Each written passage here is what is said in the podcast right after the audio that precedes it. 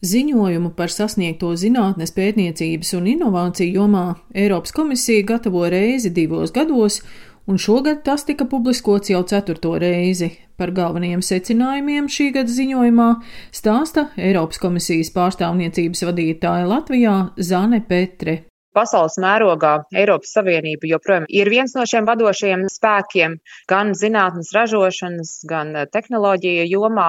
Runāts par tām jomām, kur Eiropa ir līderi, kā piemēram klimata jomā. Tāpat tās ir arī ievērojami ieguldījumi bioekonomikā, veselības jomā, jo īpaši saistībā, protams, ar Covid pandēmiju un pēc tās. Bet vienlaikus ir arī apzinātas tās jomas, kur šīs investīcijas pētniecībā, inovācijās varētu būt vairāk vairāk, un mēs skatāmies arī par šīm Eiropas eh, prioritātēm, zaļo digitālo pāreju, izaicinājumiem, kas ir arī saistībā ar Krievijas militāro agresiju Ukrainā, un, protams, tas rada nepieciešamību pēc vēl lielākām investīcijām tieši zinātnē, pētniecībā, inovācijās, lai varētu virkni šīs reformas varbūt ieviest pat ātrāk nekā tas bija iecerēts iepriekš. Ziņojums par Eiropā paveikto zinātnes pētniecības un inovāciju jomā būs pamats jaunai Eiropas inovāciju programmai, kas tiks prezentēta jau rīt, 12. jūlijā, bet Latvijas uzņēmējiem no atveseļošanas un noturības mehānisma plāna jau šī gada nogalē būs pieejamas divas programmas.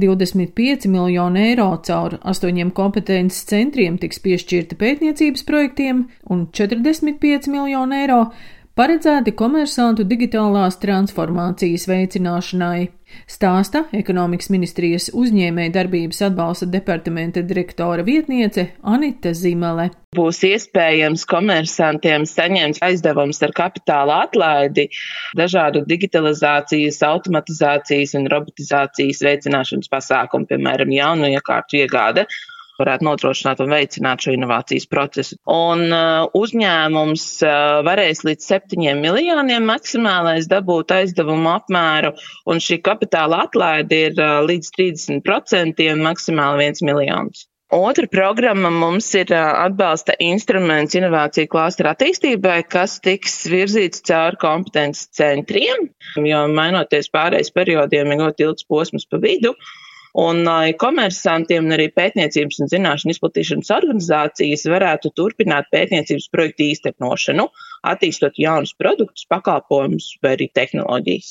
Viens uzņēmums varēs saņemt maksimāli 25% no vienam kompetences centram pieejamā finansējuma, Tas ir apmēram viens miljons. Jaunu uzņēmumu asociācijas valdes locekle Liene Briede vērtē, ka jaunās atbalsta programmas no atveseļošanas un noturības mehānisma nebūs piemērotas jaunu uzņēmumiem, kas ir strauji augoši, bet salīdzinoši mazi uzņēmumi. Tomēr viņi ir pārliecināti, ka jaunu uzņēmumi, kas izstrādā dažādus inovatīvus risinājumus un produktus, varētu būt pakalpojumu sniedzēji uzņēmumiem, kas piedalīsies klāsteru programmā. Klāsteru gadījumā tas būtu dažāda komercializācijas pakalpojuma veikšana, jo tas mums ir, manuprāt, ir tāds vislielākais Latvijas izaicinājums, tas, ko mēs izgudrojam, arī zinātnes pusē, kā to veiksmīgāk eh, novest līdz tirgumu un kā tad notiek šī komercializācija. Otrs mums eh, noteikti vajadzētu atbalsta instrumenti, kas tuvina jau nostabilizējušos industrijas spēlētājus ar jaunu uzņēmumiem, kas tad arī radītu kaut kādu kopēju resursu, samazinot arī jaunu uzņēmumu kaut kādu slogu. Un, protams, tie visi atbalsta instrumenti, kas jau arī šobrīd ir, gan tie paši inkubatori vai ārējo tirgus apgūšanas programmas, tas it kā ir apsveicami un vēlami, bet tajos visos būtu vēlams samazināt šo birokrātisko slogu. Gribētos redzēt nākamajā plānošanas periodā daudz pārdomātākus instrumentus, kas tiešām ir balstīti uz vajadzībām.